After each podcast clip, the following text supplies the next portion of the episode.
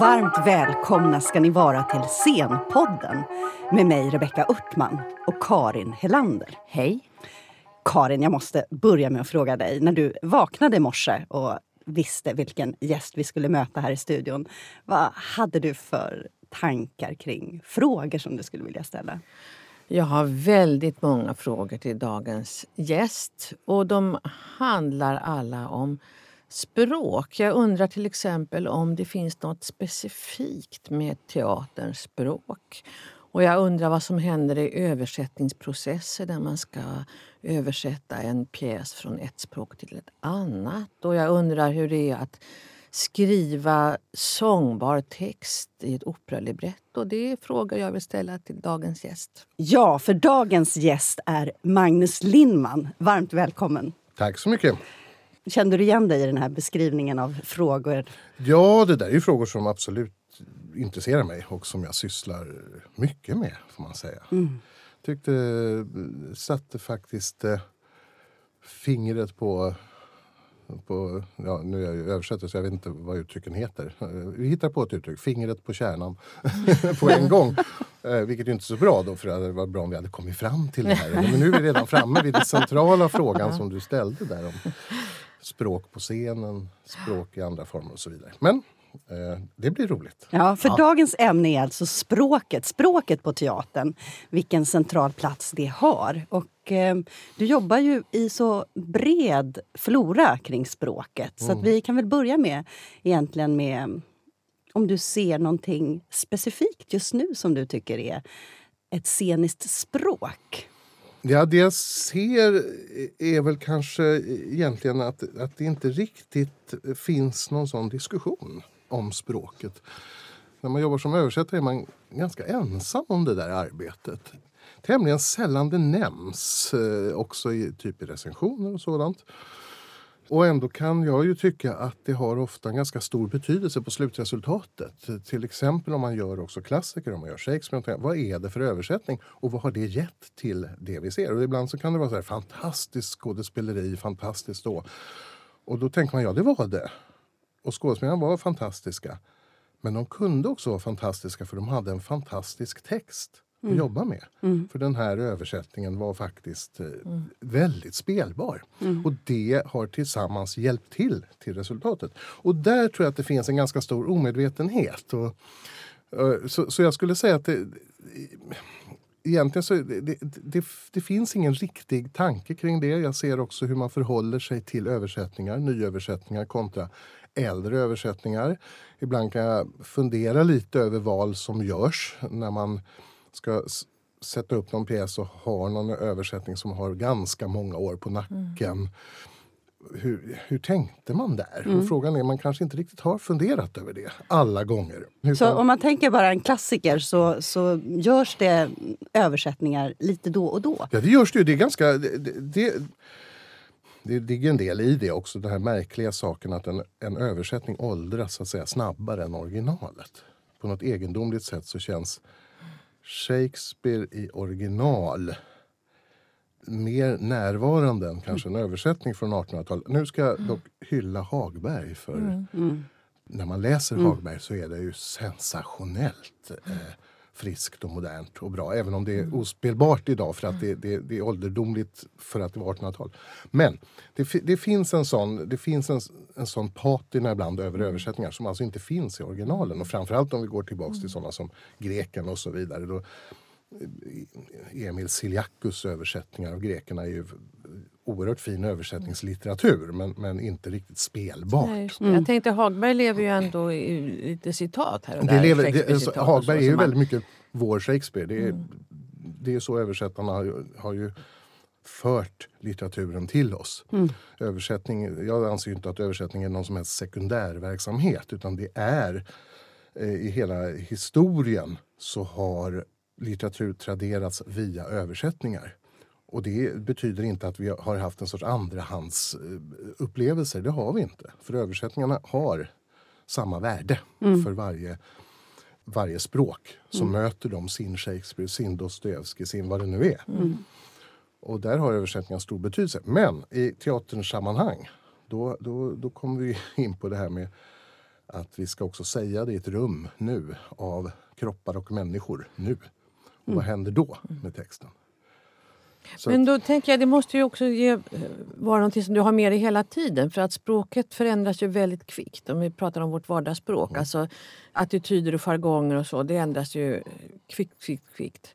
Och hur undviker du när du översätter en pjäs från engelska eller tyska till exempel då eh, att inte fastna i den här dagsjargongen som gör att det nästan är överspelat när premiären ja, är klar? Man kan väl undvika den absoluta vad ska vi säga, jargongen. Men samtidigt måste man också räkna med att även mina översättningar kommer att åldras. Det, det ingår, i, det, jag menar, det ingår i i översättningens natur. Det är inget man kan undvika. Mm. Jag kan inte göra, kommer inte kunna göra en tidlös översättning som är tidlös på mm. samma sätt som mm. Antigone är på grekiska. Utan jag får leva med det. Men däremot den här absoluta nuet som du pratar om där Karin, det, det är ju det, där får man ju förhålla sig, men ibland vill man också ha med det. Man mm. vill ju ha det här. Mm. Jag har en sån här det är inte en översättning utan det är en dramatisering som jag gjort nu som Madame Bovary som gör på Folkteatern där jag arbetar lite med det här, ett oerhört enkelt, för att inte säga simpelt grepp. Att ibland sägs ordet hashtag, hashtag det och det, hashtag det och det. För att vi har en sorts koppling till Madame Bovary. Och det är en väldigt tydlig lek och samtidigt så förstår man att ah, hashtag det är lite på väg ut. Mm. Folk använder inte de hashtaggar inte nu på det sättet. Och och, så ska, och då var det just det, ska man använda det eller kommer det att vara... Mm. Mm. När jag skriver mm. nu, sex månader senare när vi gör det, är det helt ute mm. då? Har det varit någon artikel i DN om mm. hashtag, mm. det är bara för tentar eller något mm. där. Och så står jag där och tror att jag är cool. Men samtidigt så... Och det, var, och det var en risk, jag var beredd i slutet att vi kanske måste ta bort det. Men samtidigt kunde jag känna att eh, publiken förstod precis vad jag menade. Det, det tjänade till som en sorts teaterlek. Att ser ni vad vi gör? Inte vi är jätteaktuella på det sättet utan vi, vi hänsyftar till ett fenomen och alla förstod koden. Mm. mm. Så då kunde man behålla det. Men det är övervägningar. Sådana grejer måste man överväga hela tiden. Ja. Men du översätter mycket från tyska mm. och från engelska? Ja, tyska och engelska. Ja, precis. Vilka dramatiker är det som du har arbetat mest med? Alltså, jag har ju arbetat mest när det gäller det tyska området så, så är det ju flera som jag har haft som återkommande. Men framför allt har jag gjort många av Elfriede Jelineks pjäser. Och det måste väl ändå vara någonting alldeles specifikt ja, för de här väldigt språktäta? Det är, det är någonting... Eh, det, man, när man tittar på dem efteråt förstår jag inte riktigt hur jag gjorde. Hur skulle du beskriva varför. hennes texter? Nej, nej. Eh, ja, men de är ganska obeskrivbara. Eh, helt enkelt. De, de, det, det är, det, ofta är det ett, ett flöde som bara är. Det är, vad ska vi säga sällan nu för tiden finns det inga roller utan det är en sorts textmassa mm. som sen teatrarna får göra vad de vill med. Det här kom, och det kommer ofta ut flöde av, ofta utgår ifrån faktiskt någonting som händer i världen. Men det är också inflytanden från texter, gamla litterära texter, nya reklamtexter, politiska saker som sägs, citat härifrån. Mm. Och när man har haft kommunikation med henne om, om översättningar och ställt frågor och så, då fick jag någon gång svaret att jag tror att det är värre att vara min översättare än att vara mig själv. ja. och, och jag ja. kunde också beslå henne med citat som hon själv inte hade en aning om. Där man hittade. Ja, men det här, nu håller jag på med den här pjäsen och då läser jag Paul Celan, då, för det var en väldigt viktig influens. Ja. Och, och, och så Nietzsche. Ja, då sa han, ja Seeland är väl bra, men Nietzsche, vad har han med det här att göra? Uh, ja, så jag, det här partiet, det är ju ett citat, det kommer ju direkt från, från Nietzsches Götzendämmerung. Oj, gör det? Det hade jag ingen aning om. Det svaret. Så ja. det, det, är också... Ja. Hur ofta har du så kontakt? Alltså... Nej, det, då, det, ofta så, så, brukar man kunna klara sig bra. Men just med, med Jelinek har det varit det är så specifika grejer så där har jag behövt Vill författarna fråga. annars oh, ha kontakt? Ja, oh ja. Och, mm. alltså, och, man får snabba, utförliga ja. svar. Det känns som de, alltså, en författare kan inte ha en bättre läsare än en översättare. Nej, det är sant. Mm. Så, att, så att den, den är alltid väldigt lustfylld. Mm. Och det är alltid sådär... För, för sättet som man går in på är just mm. att man liksom byter plats. Mm. Så plötsligt så får de någon Är det så att du känner att det är som en transformation? Ja, att du det, går in, det, det går in i själen? Liksom, det, på... det är det på ett sätt. Det är alltid, jag tror alla översättare jobbar på passion, det är där man börjar. Det är ingen som tänker hmm, ett framgångsrikt liv med höga inkomster. Jag ska nog bli översättare av dramatik. Nej, det, det är ingen Nej, som nej. tänker så. Utan man gör det för man bara brinner för en text och man vill att den ska kunna läsas. Men du, jag tänker just en Jelinek-text. Jag äh, tänker mig, men det, hur, alltså hur går själva den då översättningsprocessen till i, i grunden? Måste du liksom försätta dig i någon slags författarflow? Ja, jag vet inte riktigt hur det är. Alltså man, det så här, man börjar från början. Eh, jag har ju också en sak som, det låter som man är lat, men jag har faktiskt hört andra översättarkollegor som har exakt samma metodik. Och nu säger jag det då, för jag har kommit så pass långt så jag kan avslöja det. Jag läser inte pjäsen innan, jag börjar från början. Va? Jag har ingen aning om vad den ska. Du vet inte hur det går? Nej, att säga. Mm. exakt som den som kommer att höra eller titta på pjäsen kommer att uppleva det. Här börjar det. Och då får jag ta den meningen. Och så jobbar man sig fram. Sen när man har kommit till- slutet då kan man förstå, behöva ändra, alltså då kan man fatta vissa saker. Mm. Eller, Och du tjuvkikar Aha. aldrig? Nej. Utan, Wow. utan då, då, då möter jag, varje mening poppar upp liksom som det gör för den som kommer att Uppleva. läsare uppleva det. Framförallt gången. för en publik. Jag, jag tror att just i dramatik kan det här vara en, en met- metodik som har sin poäng. Och det, det, det är just att, att man, möter, man möter det rent och så får, får man jobba sig in i det. Eh, och det här, det, det är en, där kommer man in i någon sorts flöde för då, då är jag ju nyfiken hela tiden på nästa. Var Nu ska får jag lite gåshud ja, ska jag säga. Ord för ord som Ja. går. Ja, liksom. ja, det blir mer, Ja. mer fras för fras. Var ska vi? Vad händer? Ja. Var öppnar sig? Ja. Ja. Och, och det är ju en, det är också en process. Jag, jag vet inget annat där jag förlorar tiden så till den milda grad. Alltså, jag tänker på, det känns så. också som det, när jag ser dig berätta om det så ser man att det liksom rör Ja, i ja, hela nej, kroppen. det- det är att det är en fys, det- men att det är en fysisk upplevelse Ja, det är ett lätt att gå in i. vansinne helt enkelt. Ja. Och det, nej, men det, och det är ju det som är det extremt stimulerande med att översätta. Och det är ju något som jämfört med att skriva själv så är det det som... Eh, ja, ursäkta att jag, vi får väl citera Peter Handke ändå. Eh, trots allt som författare i alla fall. Som ju också har arbetat mycket med översättning. Som har sagt att eh, det är det han tycker är mest fantastiskt. För då har någon annan gjort grovjobbet. det. och man får bara vara i språket. Ja. Någon annan har gjort det, jobbat med strukturen på den här berättelsen. Och jobb, alla de här vedervärdiga sakerna som man hatar när man skriver. Ja. Alltså allt det här prestation. Och så får man bara vara i språk. Men du, får får du, jag Fint, tänker att det inte kanske det precis gäller Jelinek, men kan det ibland ha hänt att du känner att du vill förbättra texten lite? Ja, det här, det här är också, ja, exakt. Och detta är en stor fråga i alla författarsammanhang. En stor fråga. Och eh, där det finns hela tiden en sån här nor, vad ska jag säga, förbättrings eller normaliseringsdjävul som ligger För att Särskilt när man jobbar med Jelinek som skriver en ofta en, en väldigt fult språk. Va? Helt medvetet. Det är upplöst, det, det, är inte, det är inte vackert. Och då kan man känna som översättare, det här kommer att falla tillbaks på mig. De kommer att tro att översättningen är, är här var ju klumpigt. Och, ja men det originalet är det, det är en poäng med det. Men hur ska jag... Och då gäller det att se upp bara. För, Men den ligger där hela tiden att försöka, och jag ser det ibland i andra översättningar. Att eh, jag anar att det är gjorts. Eh, Särskilt när det gäller också ord som är känsliga. Man kan känna att det finns hos översättaren själv ett, kan finnas motstånd. Ja, lite rädsla. Ja, sådana där saker. Där man, där man eh, någon engelsk roman där det var oerhört centralt att man för kvinnans könsorgan använde det engelska C-ordet. Alltså det har det helt enkelt eh, kant, eh, som, som liksom är fitta. Ja. Och det var, det var helt centralt att det ordet, för det var en skriven text och det, det skapade väldiga effekter.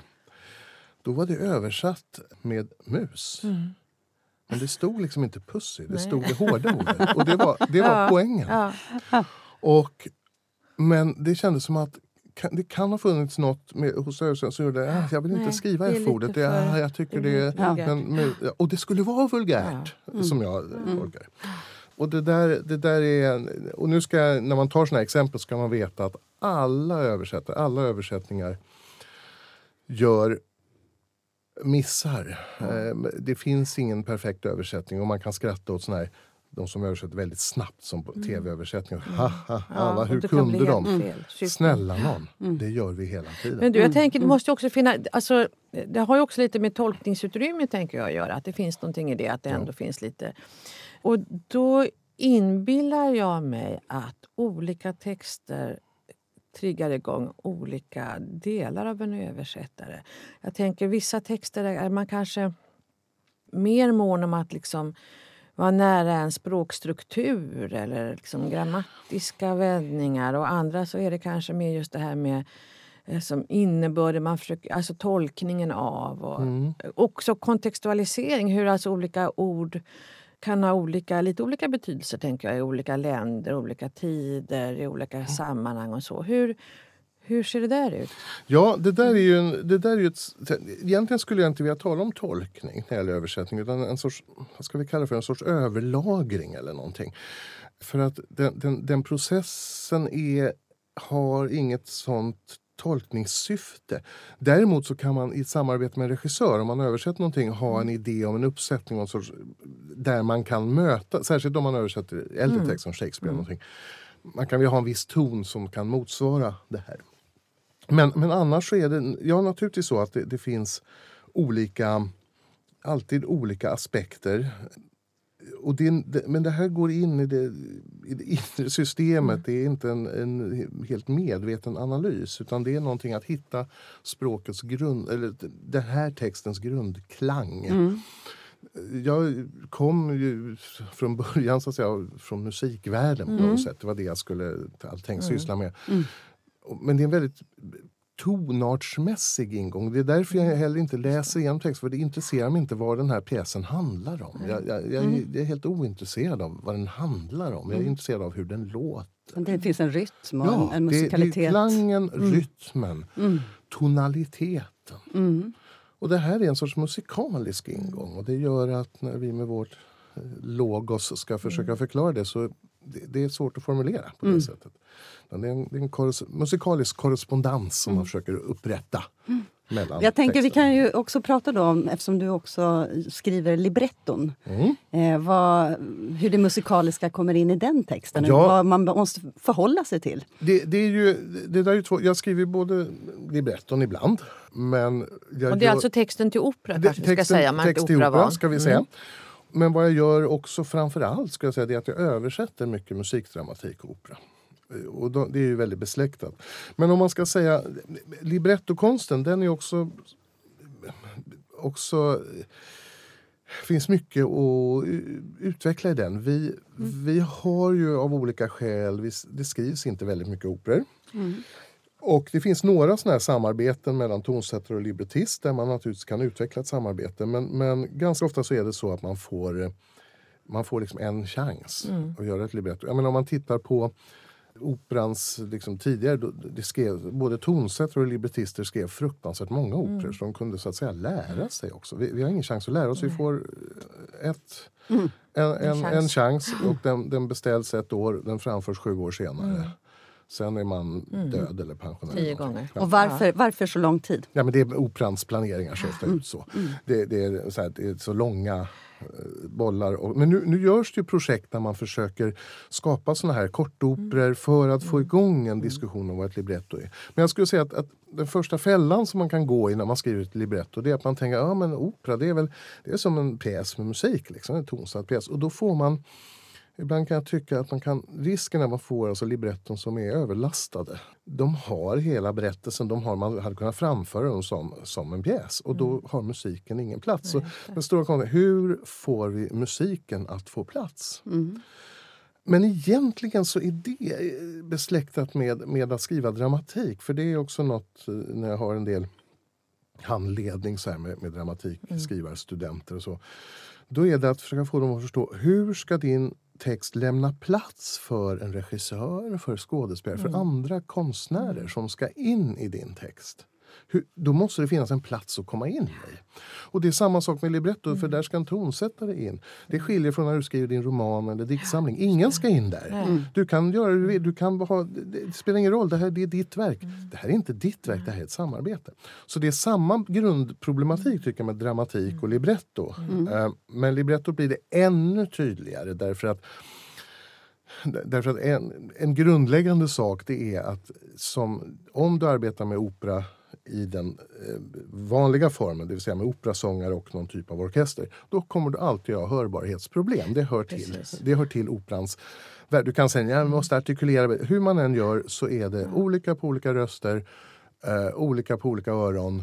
Och då måste man också ha en tanke med hur- hur informa- framförallt hur informationstätt något kan vara. Ja, just det. Vad Vi är, hörde inte vad- det viktigaste. Ja. Vi hörde inte vad ni sa när ni sjöng, som ett barn sa. att Mm. ni var på opera. Men då tänkte jag, det är ju inte bara hörbarheten, det är också tänker jag, alltså sångbarheten. För att Mm. om du skriver eller översätter ett libretto så måste du också tänka på liksom, på vilken ton ska, vilken vokal ska in på den här höga tonen. Och liksom, som, som, sådana var, saker. som tur var kan jag lämna det till tonsättaren då. Om jag Ja. skriver ett libretto, då får tonsättaren... Men inte om du översätter. Nej, men om jag översätter, då sitter man med just eh, vokalkvaliteter. Mm.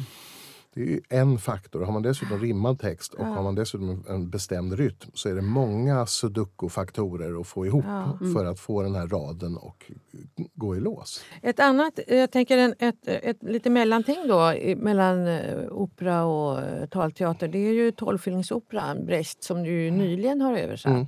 Och då, där finns det ju flera tycker jag, spännande ingångar att, att höra dig tala om. Dels att det är ett så ändå för teatervärlden känt verk så att en del fraser finns liksom i, i ryggsäcken. så. Men sen också att det blandas talrepliker och, och eh, sånger och kända sånger.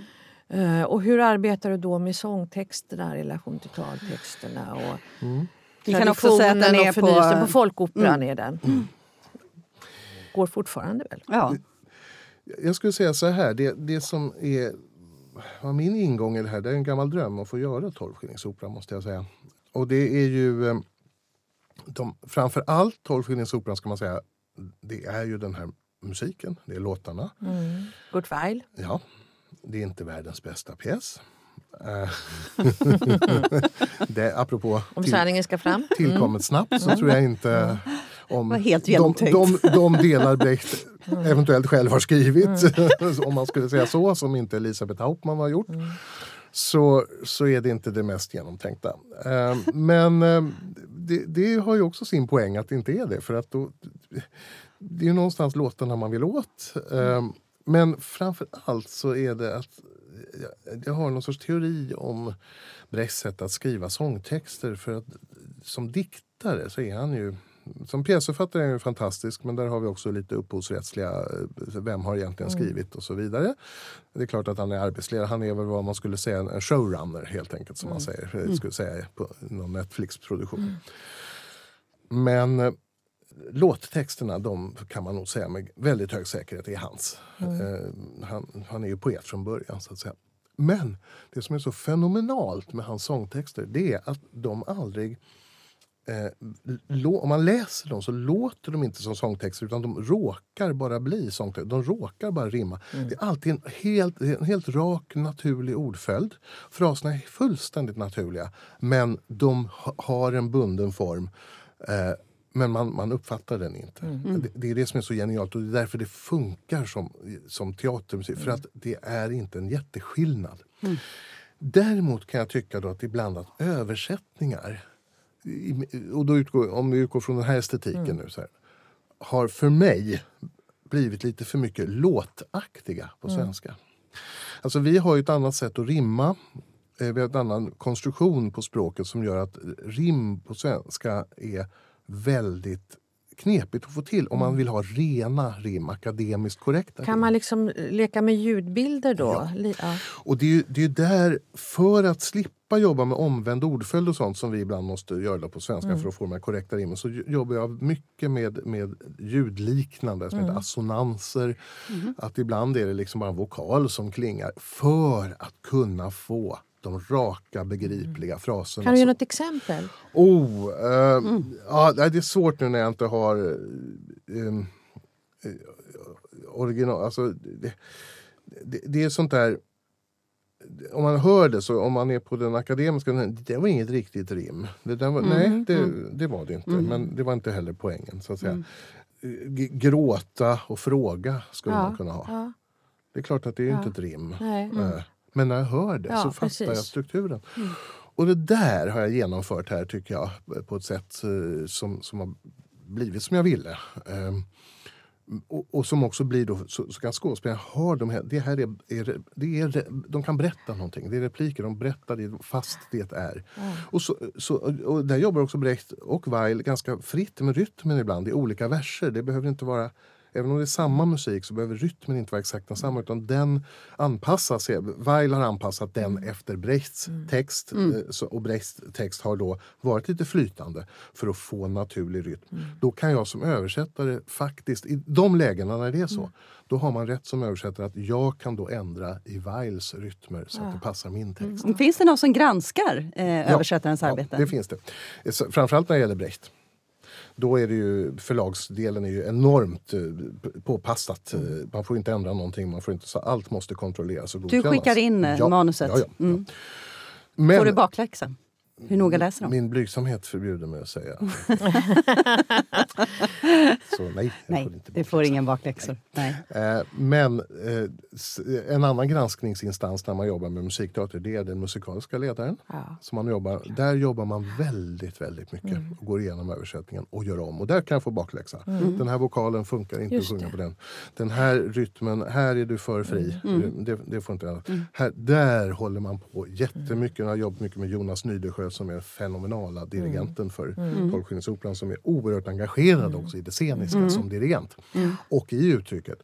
Så, och då är det ju ett nöje att jobba så. Men där går man igenom takt för takt. Det, det, det är enormt petigt arbete. Hur pass spelar det roll att du vet Alltså, ah, samarbete med regissör och ensemble, spelar det någon roll att du vet vilka skådespelare som ska spela fram texten? Eller vad Ja. gör regissören till din översättning? Re- regissören det är en ganska viktig del. Det- Och där, eller den är ju den är väldigt viktig. Det som är med Brecht är att det är så reglerat vad, vilka ändringar man får göra. Man kan ändå få in en ton. Jag, menar, jag vet när jag jobbade med, eh, med Melika så tittade vi på andra översättningar också. För jag tänkte, Melika Melani. Mm, Ja, som har regi- Melani. eh, Melania Melani som har regisserat eh, Tolvskillingsoperan. Och vi har arbetat ihop i många, många år.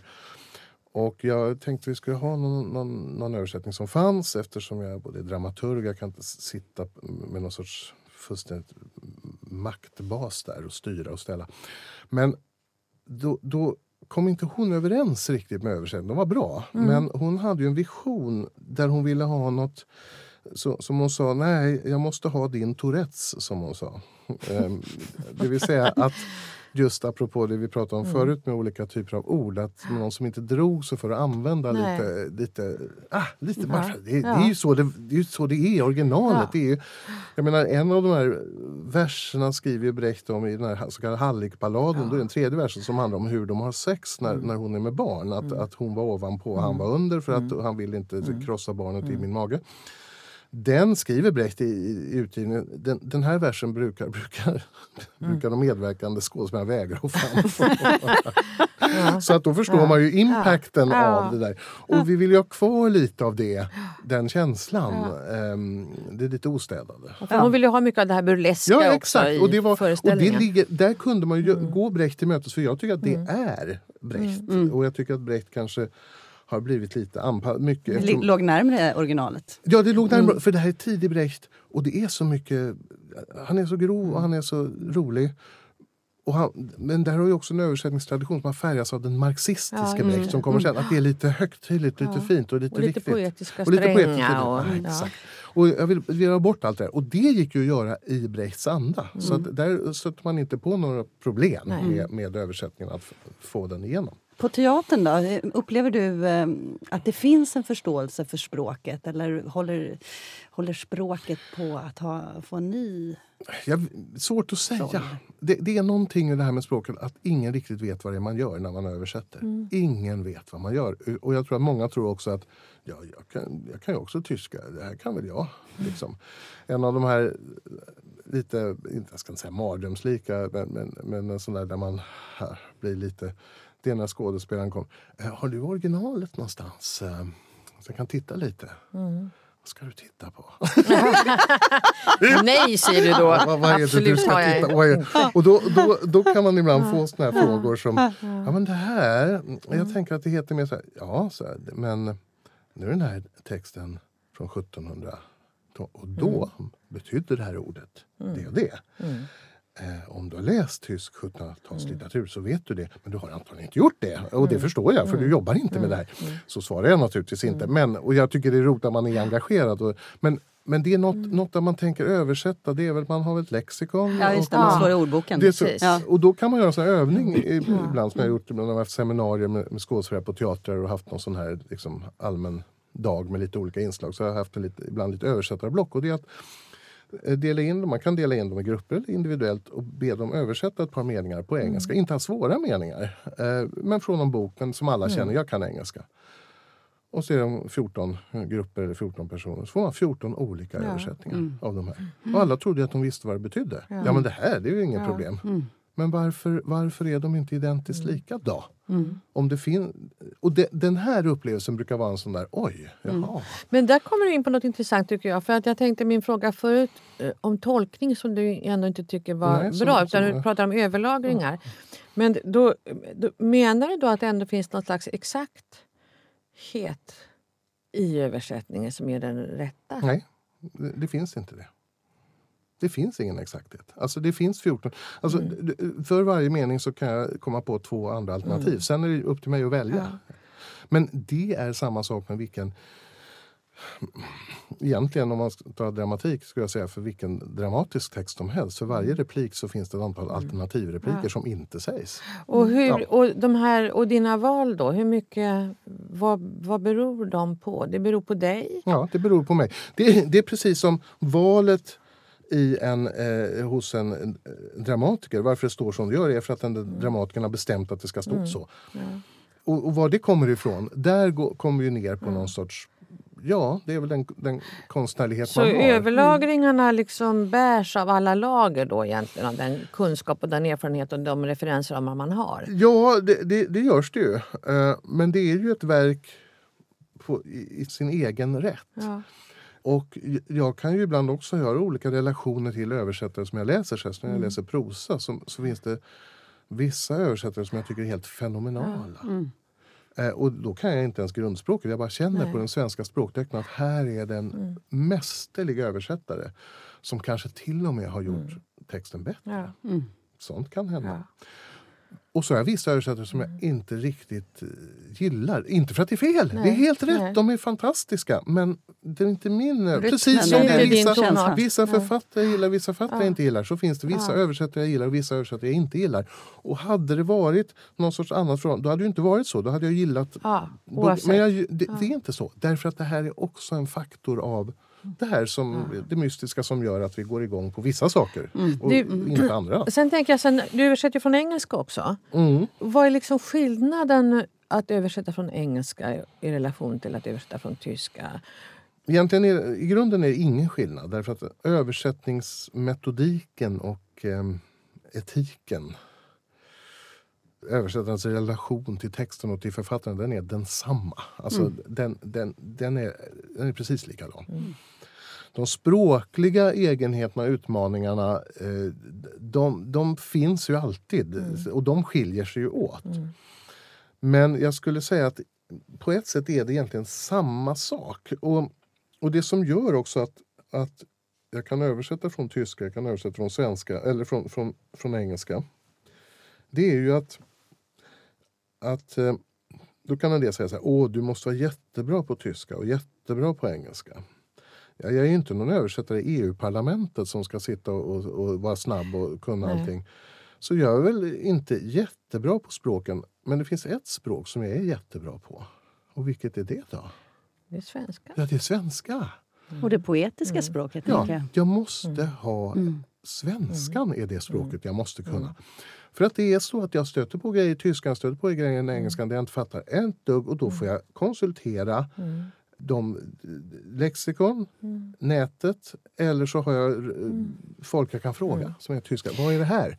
Det, det är inte så att jag kan Nej. allting. Men det är svenska, det, det, det är målspråket som är det viktiga. Det är där poängen ligger för en litterär Man översättning. pratar om målspråk och källspråk. Ja. Så?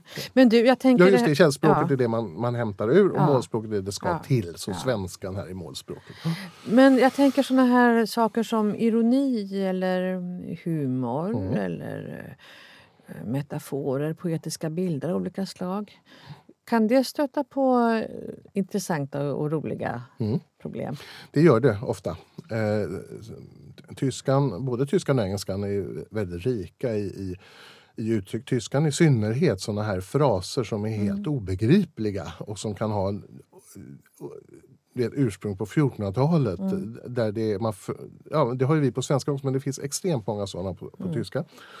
Och där är alltid ett val då, hur ska jag, vad har det för klang? Liksom. Och där är också, då kan det vara, ha en väldigt, väldigt gammalt ursprung på tyska men man använder det i modernt språk.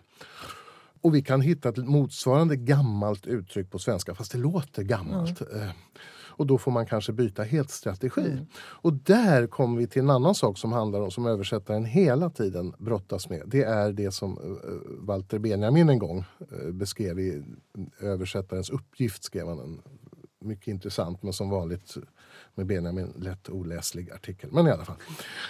Att det är en pendling mellan trohet och frihet. Hela tiden. Så, och ibland är friheten det sätt som jag det är mest trogen mot originalet. Genom att ta mig en frihet så får jag tag i någonting. För mycket trogenhet då fastnar man i just en, en rigiditet som gör att den, texten är helt korrekt men den, den, den lever inte. För mycket frihet, då är, nu är du ute och tolkar och börjar f- förbättra eller tycka att du är rolig. Tydligt exempel är lite äldre översättningar av, av komedier på svenska. Eh, till exempel Eichborn, tidig Eichborn, där de översattes som farser. Lite sådär största allmänhet, privatteaterfarser. Och Eichborns bästa kompis var Harold Pinter. Och det finns så mycket pinterskt i Eichborn. Det är inte alls roligt. Det Nej. blir roligt. Men där, när jag läser äldre översättningar, så man nu ska vi göra det lite roligt. Så vi, Mm, vi tokar till det vi lite. till det. Och där är intressant. Men en, en frihet måste man ibland ta för att nå. Och då när det gäller såna här uttryck, det, det, en, det, det är verkligen en kamp ibland. Hur- Kan du se någon trend så där över eh, språket i, på svenska scener? Nej, det finns ju ingen trend. Alltså jag, jag, du, du försöker f- få, få mig till den här frågan. Och jag, jag, och, och, nej, men mitt svar är att det finns ingen, om jag ska vara lite polemisk, det finns ingen riktig medvetenhet om språket. Det finns ingen riktig, och därför så tycker jag det är roligt när man arbetar som dramaturg. Att ibland ha ett nära samarbete med regissören och kunna ha lite...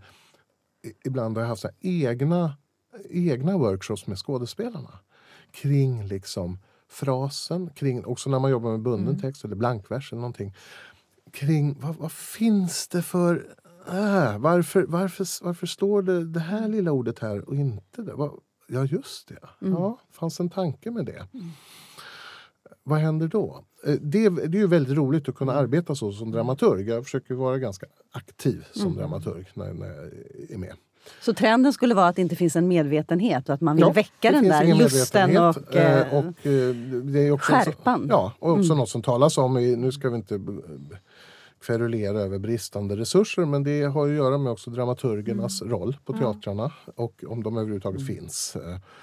Eh, Och i sådana fall och hur man kan använda dem på rätt sätt också. Du, apropå det här med versen, när du nämnde en blankvers. Finns Mm. det något versmått som är särskilt roligt och spännande att översätta? Alltså det, det jag älskar det är blankversen. Ja, för att? Där, därför att den har en fullständig... de- Dels att den korresponderar så fantastiskt på svenskan. Liksom, eh, både tyska, svenska, engelska, blankvers. Franska... Kan du ge något exempel på blankvers för en lyssnare som inte vet? Eller rytm? det, ja, alltså det är, blankversen är väldigt vanlig. Du, du kan läsa en tidning och få hela blankversrader. Ja. Eh, i- Igår så fann man det, det, det, det, vad, det är den här, de, de här padam, padam, padam, padam. Ja, vi, vi har jambel Ja, hela ja, tiden ja. i språket. Det finns hela tiden närvarande, det är därför du inte hör riktigt Nej. blankvers. Den är ju inte rimmad utan den, den handlar bara om rytmen. Ja. Men den är, den är helt fantastisk att arbeta med därför att den, dels så tvingar den att lösa saker på ett sätt som det är ju det som är så intressant om man översätter för då måste jag, då kan jag inte använda kanske de ord jag vill för det går inte in i rytmen. Då måste jag hitta andra lösningar. Men det som händer är att det är något som inträffar i den, just den processen. Samma sak med skådespelare som har det, det är liksom bundet och du får jobba med det motståndet. Här kan man väl faktiskt hänvisa till ett annat scenpoddavsnitt med Stina Ekblad när hon talar om klassiker och vers. Men för att gå tillbaka till min allra, allra första fråga då, som jag ville fråga dig om. Vad är det som är specifikt med teaterns språk? Ja, nu kom vi. Nu kom vi till den. Det var, ju, den vi skulle hålla på Ja. fram till nu. Vad bra, då blev det bra dramaturgi. precis. Eh, det här är essensen. Ja, jag skulle säga så här. Och det brukar jag säga till mina stackars studenter också. Så vidare. Det är att en prosatext, eller en dikt, eller en novell, roman, du vet. Den är skriven för ögat. Du ska läsa den, du ska titta på den. Stannar, backar. En dramatisk text är skriven för örat och för munnen då, säga, men för att höras. Det här är text som ska höras och det är något helt annat än text som ska läsas. Detta är helt, egentligen väldigt olika faktorer. Och det här är för mig liksom nyckeln. Det är frasen, det, det, det, en, en, en text som ska sägas. Och det här gäller också för de, man, när man skriver dramatik. Eh, skriv för örat, inte för ögat. Själv när jag skriver så skriver jag, det kan se ut som en maner och det är fler som gör så och det kan verka lite töntigt. Men jag skriver helt utan skiljetecken och helt utan stora bokstäver. För det här är grammatiska tecken som har att göra med skriften. De har ingenting att göra med. Så det står bara orden. Så radar jag upp dem lite. Det ser ut som det är någon sorts vers, det är det inte. Men, men jag antyder fraser genom radbrytningar. Men allt det andra ska bort. Därför att jag märker också hur det styr. En skådespelare kan läsa. Punkt betyder stopp, komma betyder en liten andning. Nej, komma betyder att det är en bisats efter. Punkt betyder att det är en fullständig fras. Det är ett grammatiskt tecken. Ing, det är inget frastecken. Frasen kan ligga på ett helt annat ställe. Och genom att ta bort dem så tänker jag att man öppnar upp för olika möjligheter att säga någonting. Och det är att skriva för örat. Den här texten ska inte läsas på pappret. Den ska höras. Och, och för mig blir det mer och mer, även när jag översätter så är det oerhört viktigt när man översätter dramatik, att översätta för örat. Här kan man också ibland märka när det är väldigt oerhört skickliga prosaöversättare som översätter dramatik.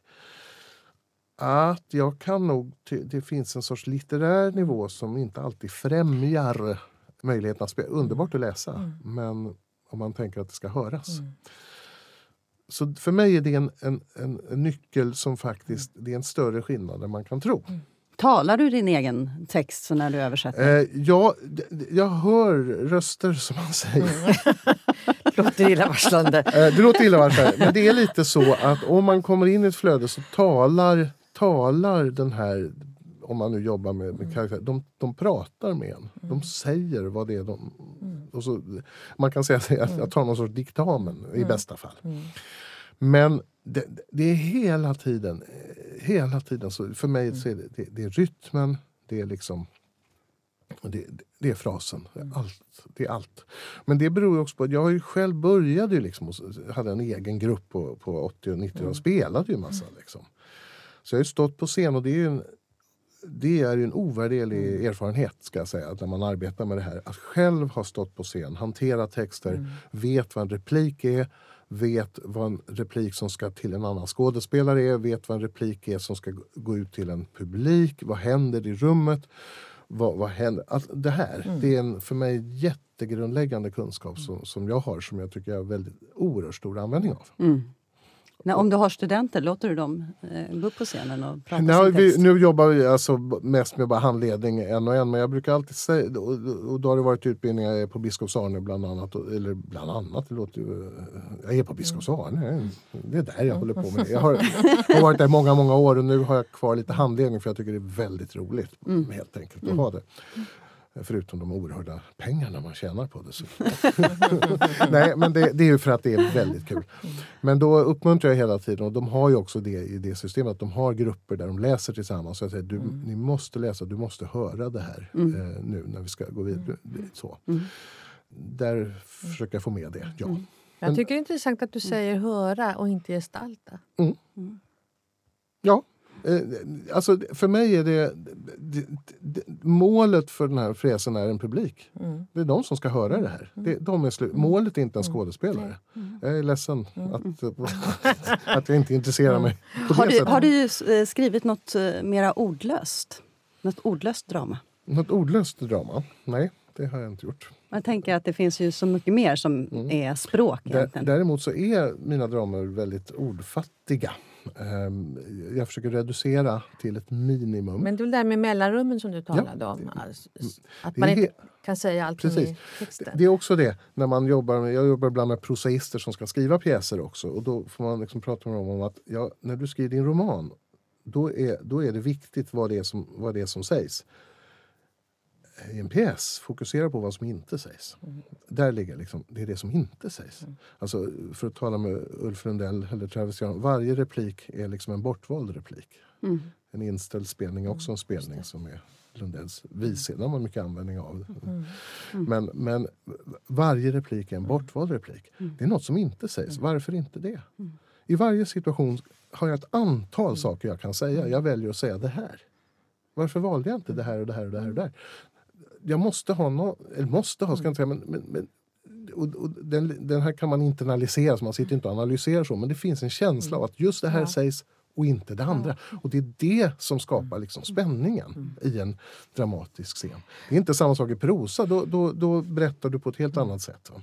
Men i dramatik tycker jag att det är det. Finns det någon pjäs nu som du verkligen vill sätta tänderna i? Så nu går liksom, åh, jag måste bara få översätta den. Ja, just nu, alltså, just nu så fick jag ju det. För tolvskillingen har jag gått och mm. väntat på i, i, i 30 år. Liksom. Underbart. Och, eh, och, och då fick jag det.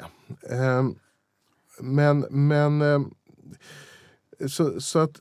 Så, så att vad, vad, jag, vad jag nu skulle vilja göra det är egentligen, det är egentligen prosöversättning. mm. som, som jag, och jag skulle mm. vilja översätta Adalbert Stifters Nachsommer från mitten av 1800-talet, österrikare. Det är en tusensidig roman som handlar om absolut ingenting. Det är det mest händelsefattiga. En man som vandrar träffar en person som bor på en gård. Han flyttar in där. Personen visar 60 sidor visar han sin trädgård. Sen går de upp och så visar, sen visar han sin stensamling. Och det är också ytterligare och det är så vackert. Och, den helt, och där känner jag om, om man kan få någon sån stipendium och bara sätta sig. Och, och det, det, finns absolut ingen som vill ha den här boken Nej. kan jag säga. Det är ingen som har saknat den. Det, men den är, en av de, den är en av pelarna i österrikisk litteratur. Okay. Alltså en enormt inflytelserik. Mm. Där har du också återigen då Peter Handke är mm. otänkbar mm. utan Albert mm. Stifter i prosan. Liksom. Men det här med språket, om vi, om man pratar om medvetenhet eh, och kanske då omedvetenhet kring språket, ser det annorlunda ut i Europa? Eh, ja, jag skulle säga att det finns en annan... I Tyskland finns en annan mm. språkmyndighet. Man har så att säga germanistiken som ett så ämne. Alltså det tyska språket och forskning kring det, det är så levande mm. skulle jag säga. I mm. så, och det påverkar också. Det intressanta är när man arbetar med en tysk regissör, som jag jobbade med Peter Konvitschny på den här Maria Stewart. Då är det oerhört tydligt vilket ansvar man har som dramaturg. Och det är liksom att ha koll på texten och kunna och det är mitt mandat. Det innebär att eh, när, när Peter då regisserar, då, då, gör han det. Sen kommer en skådespelare och frågar men, men varför säger den här karaktären det här? Den här rättegången, det sades ju förut. Det, hur hänger det ihop här i Maria Stuart? Det är en lite komplicerad backstory. Mm.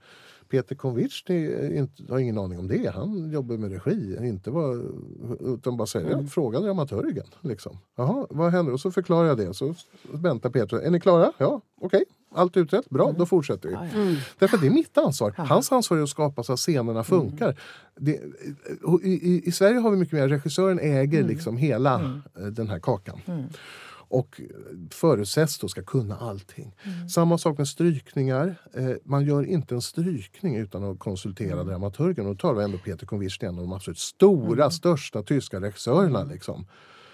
Eh, och är jag inte där, då, då får jag mejl på kvällen. Vi har tänkt stryka de här två raderna. Går det bra? Och d- det är så oerhört tydligt att jag som dramaturg ska ha den kunskapen och, den, och, och hålla reda på det. Och samma sak om jag vill ändra någonting eller hör eller går in någon fras som inte funkar. Han tar det, där- ja, visst, absolut. Så här. Nu var det ju också på svenska men det var så väldigt tydligt att mandat... Man räknar med Man att det räknar- finns och, en och dramaturg. dramaturgen Ja. har ett väldigt starkt mandat. Väldigt många eh, regissörer och teaterchefer har dramaturger som de jobbar med konstant. Eh, teaterchef som tar över tar ofta med sig sin dramaturg till den nya teatern när man får en ny tjänst. Man jobbar liksom i team på det sättet. Det tror jag är en del som gör att du har hela tiden en, en tanke om att det finns någon kunskap om det här som kanske inte jag har, men den finns. Så om du, om du fick önska nu eh, en framtid för dramaturgen, hur skulle den se ut? Det är dels att det ska finnas på teatern. Eh, dels att det, och det tycker jag också någonting som kommer nu är just sådana här lite samarbeten med, med regissörer. Jag har jobbat så länge och, och det är fantastiskt att få göra det med vissa eh, å- återkommande eh, samarbeten som man kan utveckla. Och, och, men, men jag tycker nog att det finns i den nya generationens dramaturger ett intresse för det, skulle jag säga. Eh, och eh, då kan man bara hoppas att teatrarna, jag kan, det, har, det har gått lite upp och ner men fortfarande kan jag se vissa teatrar som är hyfsat stora som inte har någon dramaturg. Och då kan man undra lite att det kanske ni borde ha i alla fall. Sen slukas ju ofta en dramaturg på en teater upp av allt möjligt annat administrativt. Va? Eh, och har kanske så här, utan det, det bästa vore det här med det som brukar kallas för föreställningsdramaturg. Att man är med eh, regissören ganska mycket och, och är närvarande och framförallt med skådespelarna. Och också kan vara en hjälp till regissören. att Kan inte du jobba med den här skådespelaren? Gen, jobba igenom den här monologen. Så att ibland blir ju regissören lite... Tid går ju åt till att lösa eh, skådespelartekniska problem. Alltså så här, och man skulle kunna spara tid där också. Så det Och värna språket. och, ja, och, och samtidigt då värna språket men också avlasta regissören. Det är, en- det är, det är ju inte en, man tar inte ifrån någon någonting utan man jobbar med sin specifika kunskap. Det, det är en sån tanke. Tack Magnus Lindman för att du kom till Scenpodden. Tack så mycket, vad roligt att vara här. Tack Karin. Tack själv. Ni möter oss igen om ett par veckor. Då med en ny spännande gäst. Missa inte det.